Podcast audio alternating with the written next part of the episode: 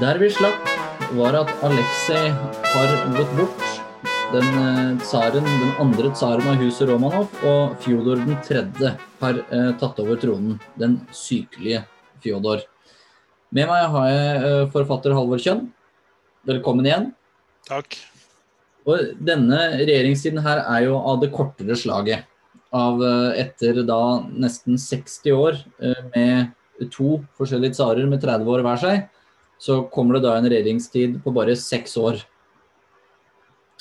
Og eh, Du var så vidt inne på det i forrige, forrige episode, men eh, Fjodor rekker jo å innføre en nokså eh, viktig ordning. Eller han avskaffer, noe som har vært viktig, og som, eh, som på en måte kan ses på som starten eh, på det som eh, Peter den store skal gjøre etter hvert. Med rangsystemet innen militæret. Og hva var det? Ja. Ja det var et, eh, et, system som var slik at uh, den rangen du uh, selv hadde, den ble i veldig høy grad bestemt av den rangen som din oldefar, bestefar og far hadde hatt. Kvinner spilte jo selvfølgelig ikke noen rolle i denne sammenheng. Og, og dette, dette, systemet fikk da, fikk da Fjodor avskaffet. Men det betød jo ikke at privilegiene til høyadelen ble avskaffet. Altså bojarene, den øverste delen av adelen, de utgjorde bare 1% av adelen og var noen ganske få tusen. De hadde jo stort sett enerett fortsatt til alle de viktige embetene i staten. Til å styre de statlige kontorene. Og til å besette de viktigste funksjonene innenfor armeen og diplomatiet osv. osv. Men da er denne, denne du kan si, rangordningen mellom dem den ble myket opp i Fjodors korte tid som tsar. Han, han regjerer jo som sagt bare i, i, seks år, men han rekker jo da å gifte seg to ganger. ene gangen skjer jo bare da et par måneder før han går bort, vel. for hans første kone dør under ja. barsel. og så dør han da bare like før sin 21-årsdag, og dør jo da uten arvinger. Ja, jeg har jo kalt uh, det, så vidt jeg husker i denne boka, 'To giftermål og død'. Det stemmer. Eh, altså Han gifter seg ganske, i ganske hurtig rekkefølge, Eh, og, så, og, så, dør han da eh, sjøl, og antagelig dør han da som en følge av sine mange handikap. For han, han, er jo da en, en, en sykelig en. Og nå kommer vi jo til en av de første um, kall det mer urolige aspektene ved Romanov-slekta. For tidligere nå så har det vært uh, utkanten har vært Stenka Rasin, det har vært Nikon. Det har vært, eh, vært utenforstående som har skapt uro. Men etter Fjodor den tredjes død så er det jo er det uro innad i Romanov-familien. For ja, Aleksej hadde da vært gift to ganger. Ja, han har vært gift to ganger, og det ga jo arvingene etter de to eh, ekteskapene, eh, Miloslavskene og Narishkene, eh, de lå jo selvfølgelig i eh, konflikt med hverandre. For det at når en tsar giftet seg med en kvinne, så kom jo slektningene til eh, denne kvinnen kom jo da inn på de aller viktigste, mest fornemme eh, posisjonene i hoffet. Så dette er med å få giftet en datter Hvis man ikke var tilhørte tsarfamilien selv, hvis man fikk giftet sin datter med inn i, eh, med tsaren, så var man eh, garantert en veldig veldig framstående posisjon ved hoffet. Og dette gikk jo fint i de tilfellene der hvor tsaren hadde kun én kone. Men der hvor da eh, kone nummer én døde, og han tok seg kone nummer to, så oppsto det konflikt mellom disse to inngiftede dynastiene. For det at eh, Russland var jo eh, i aller høyeste grad på den tid et klansamfunn. Og disse adelsklanene de lå i kontinuerlig kamp med hverandre. Og i hoffet her da så oppstår det jo en, eh, en konflikt eh, mellom Miloslavskij-familien og Narusjkin-familien. Eh, hvor du da har Sofia og eh, Ivan som eh, representantene for Miloslavskij-siden, og da Peter og moren hans Natalia som eh, representanter for Narusjkin-delen. og det er jo ja, i, i kjølvannet Ja, unnskyld. Ja, for det at situasjonen er den at, at uh, Aleksej han etterlater seg jo uh, to kompetente etterfølgere. Og én person fra hver av disse ekteskapene. Den ene er Sofia, og uheldigvis for henne så er hun kvinne. Den andre er jo Peter. Han er fra ekteskap nummer to, fra eh, Narishkin-klanen. Eh, han er mye yngre, men han er også meget eh, velkvalifisert til å overta som tsar. Alle de andre barna de er enten sykelige, eller de, eh, de, er ikke interessert i å kaste seg inn i maktkampen. For jentenes vedkommende, da. For det at eh, kvinner de var jo normalt utelukket. Men denne Sofia, hun føler seg jo absolutt kallet. Og hun finner jo da ut, eh, idet eh, broren Fjodor dør i 1682, at hun ikke vil tilbringe sitt liv bak murene på et kloster eller innenfor palasset, eh, kvinnekvarteret i palasset, teremet som det ble kalt, men hun vil herske over staten. Så hun eh, overtar da som den reelle herskeren, eh, mens eh, hennes halvbror Peter og hennes helbror Ivan, som også er handikappet, eh, blir proklamert de offisielle som de offisielle tsarene. Eh, de er jo mindreårige. Peter er bare ti år. Eh, Ivan er noe eldre. han er da som sagt handikappet. Og så er det Sofia som overtar. Og denne Sofia hun er en meget, meget dyktig kvinne. Og hun klarer jo å faktisk styre den eh, russiske staten i sju år, til tross for at hun er kvinne. For det er jo ingen tradisjon for at en kvinne kunne overta makta etter sin far. Eh, en kvinne kunne i høyden eh, overta som formynder for sin mindreårige sønn og være med å styre på vegne av sin mindreårige sønn. Men Sofia hun overtar da på vegne av brødrene sine eh, og styrer staten gjennom disse sju åra mellom 1682 og 1689. Med ikke liten suksess. Nei, og det er jo det det er nettopp den um, uh, Den um, At den uh, mor kan være formynder for sin sønn, som sørger for at hun får mulighet til å ta over eh, makta. For eh, Narushkin-slekta Det blir vel satt ut ganske mange stygge rykter om hva de eh, tenker å foreta seg når de kommer til Moskva etter at Fjodor er død og Peter er utropt til tsar. For han blir jo valgt eh, foran sin eldre bror Ivan til tross for hvordan, ja. at det var en form for primogenitur i, i Russland på den tiden òg. Ja, det, det, var det. Men, eh, men uh, Ivan eh, Aleksejevitsj, han er da han er også handikappet. Mm. Så, så, han er heller ikke i stand til å, å styre.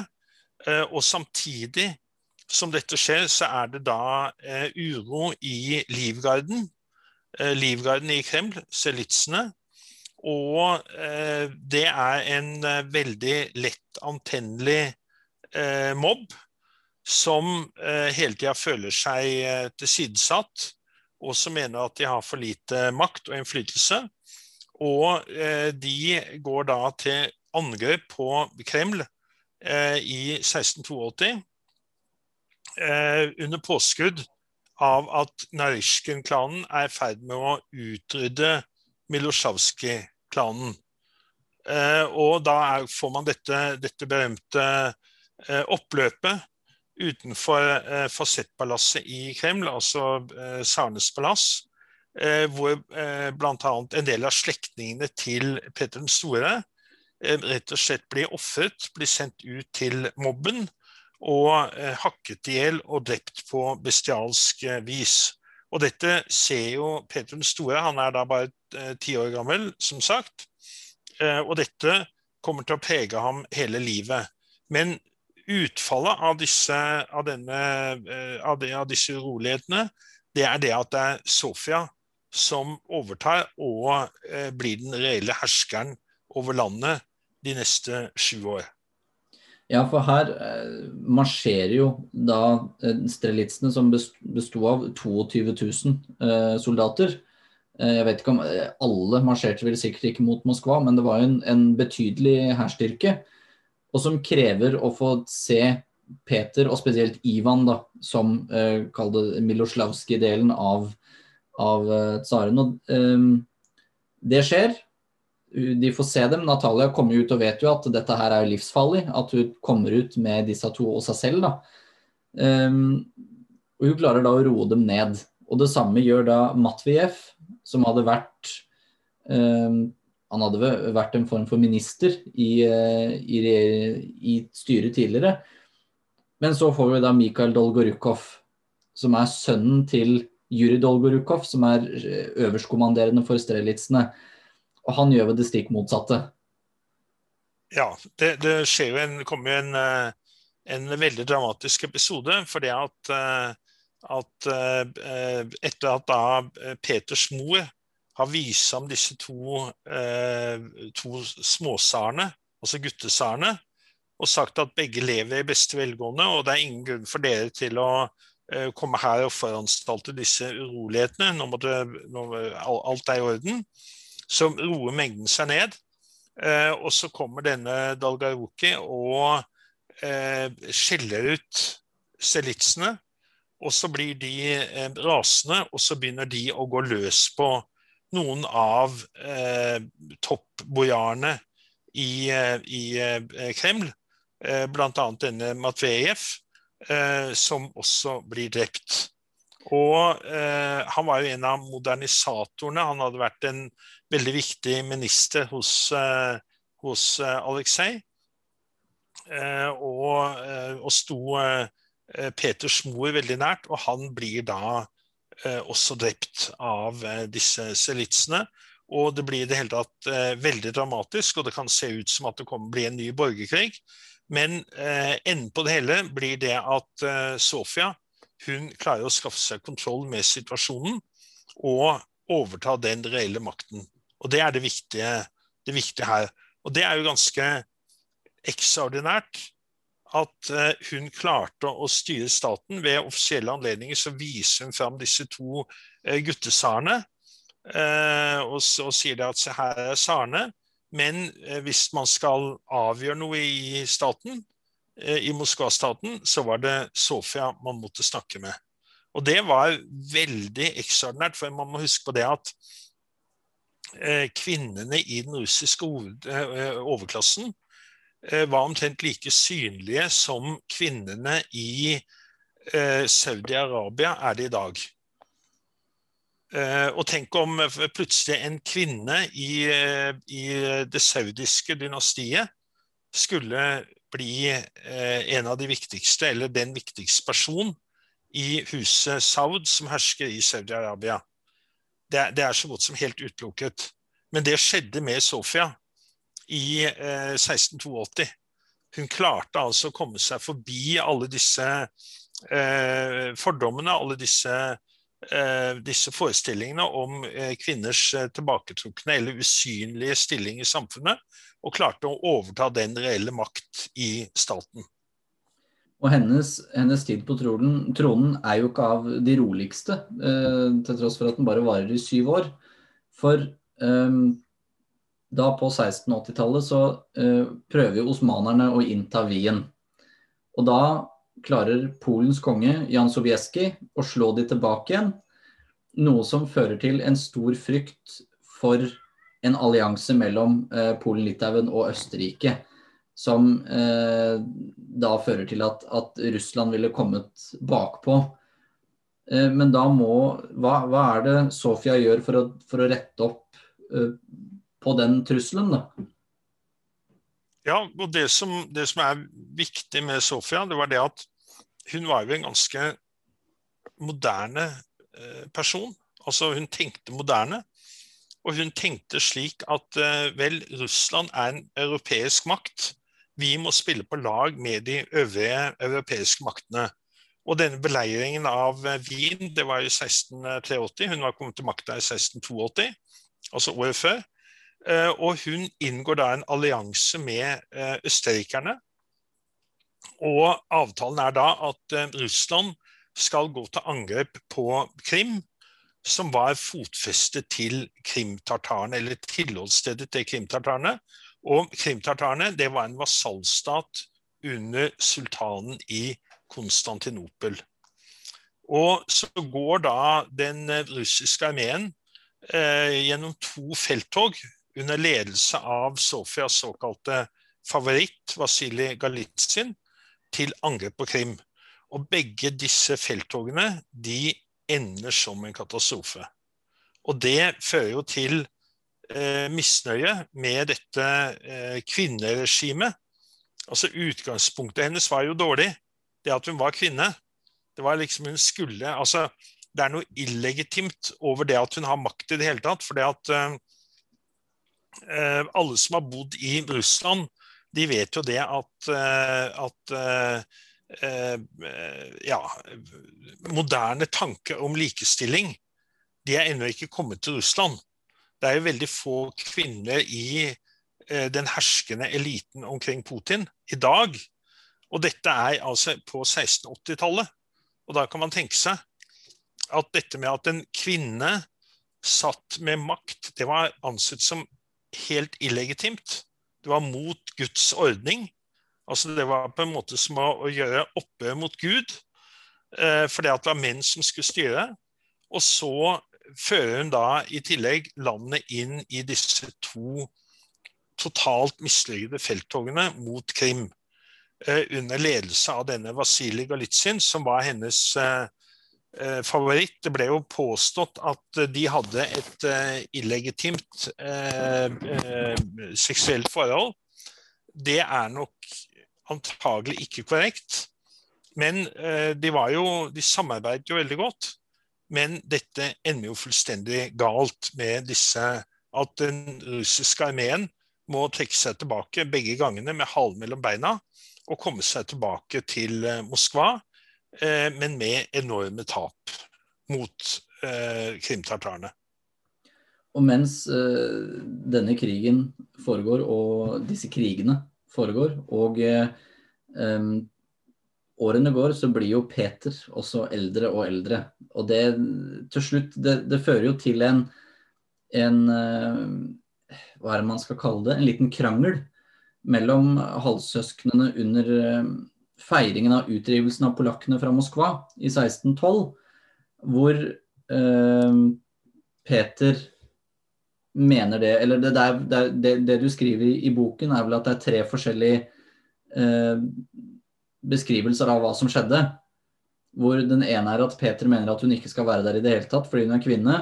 Den andre er at hun eh, ikke, ikke, har dekket seg til, og det er feil. Og så den tredje kan jeg ikke helt si at jeg husker akkurat nå. nei, nei men, men, poenget er at uh, Eh, etter hvert, Peter er jo da i 1689. Eh, Han er jo blitt 17 år gammel.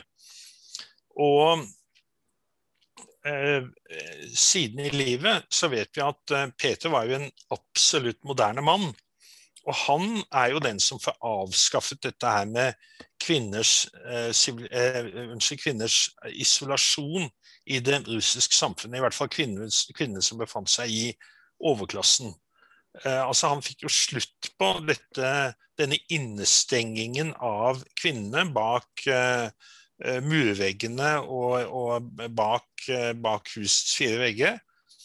Og Peter beordret jo, etter at han kom fra Holland i, i, på slutten, helt på slutten av 1690-tallet, så beordret jo han at eh, den eh, russiske adelen og alle opplyste mennesker, offiserer osv., osv., de skulle arrangere sammenkomster, sosiale sammenkomster, eh, hvor man skulle røyke pipe og, og drikke te.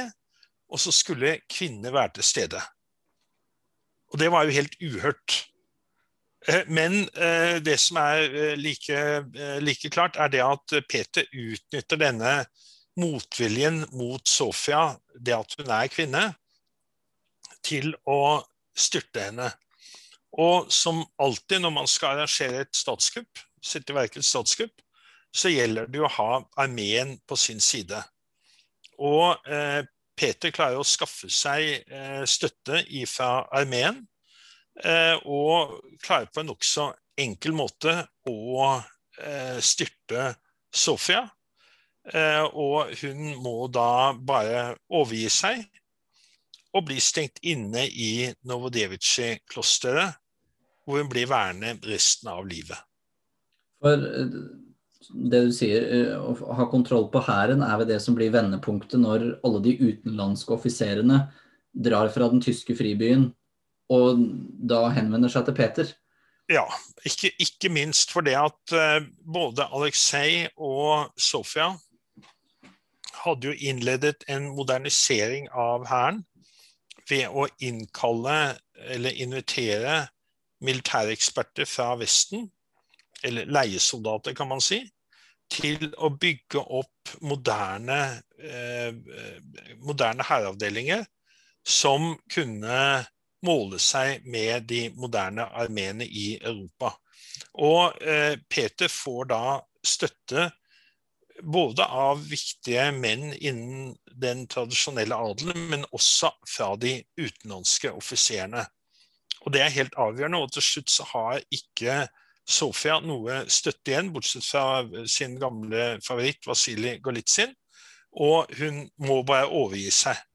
Og hun, eh, hun får bare beskjed at hun skal, skal avvente nærmere ordre. Og så blir hun sendt til Novodevitsj-klosteret der hun blir gitt en uh, leilighet, men hun blir stengt inne for resten av livet. Og det er jo her eh, Peters ordentlige regjeringstid begynner, hvor han eh, sender et brev til sin bror Ivan og sier at nå kan vi styre selv. Og så får han da en godkjennelse av Ivan til at Peter kan gjøre gjennomføre endringer uten Ivans samtykke.